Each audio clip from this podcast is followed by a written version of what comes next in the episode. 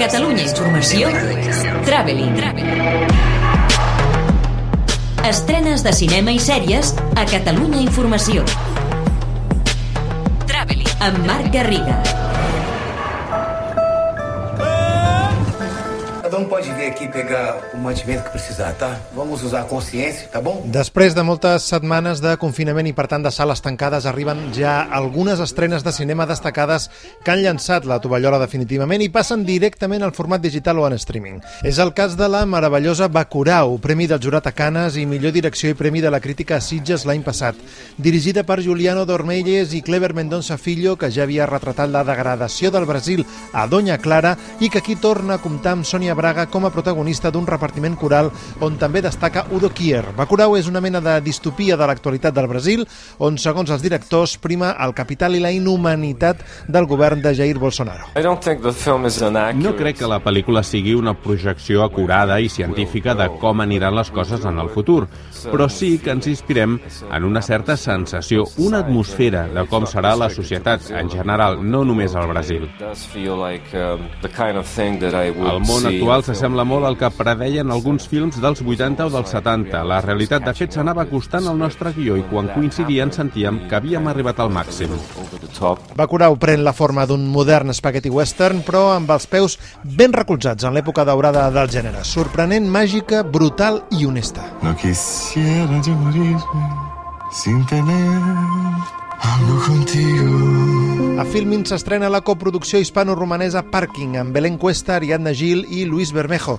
L'actriu malaguenya ha passat pel Catalunya Nit de Catalunya Ràdio. son personajes que por algún motivo huyen o, o- o se sienten desarraigados, pero que a la vez buscan encontrarse ¿no? y salvarse y creo que es una historia muy bonita más allá de todo el tema social eh, que, que- que conlleva, pero que es una película que habla sobre el amor, sobre rescatarse, sobre encontrarse, en fin. Altres films d'estrena aquesta setmana són la sorprenent història d'amor de Ricordi, també a Filmin, la italiana Noches Mágicas, a diverses plataformes, i la versió sui generis del Cirano de Cartes a Roxanne a la sala virtual de cine de Contracorriente. Es la hora.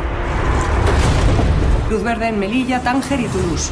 Movistar Plus entrega aquest divendres una de les seves sèries estrella de la temporada, La Unitat, que es basa en la tasca d'una unitat de la policia espanyola que es dedica a lluitar contra el terrorisme jihadista. Està creada per Dani de la Torre i Alberto Marini, que han passat pel matí de Catalunya Ràdio. Bueno, hemos estado dentro de, dentro de la cocina, ¿no? De la, de la propia policía. Hemos visto operativos policiales con detenciones de yihadistas, hemos estado con infiltrados, hemos estado en briefings, pero también hemos estado con ellos en el lado humano, les hemos conocido como personas, hemos estado en sus lugares más, más privados y la verdad es que fue una experiencia única y yo creo que al final también te hace pegarte mucho la realidad para poder contar con mucho más rigor y, y de- y dejar lo menos posible a la imaginación, ¿no? Y sobre todo, aunque sí que son mm, personajes de ficción, son muy, muy cercanos a la realidad, ¿no? L'altra sèrie destacada de la setmana és El Incendio, una sèrie britànica amb aires a Broadchurch, que arriba dimarts a Filmin, protagonitzada per l'omnipresent David Tennant, un dels doctors Who. És un drama més psicològic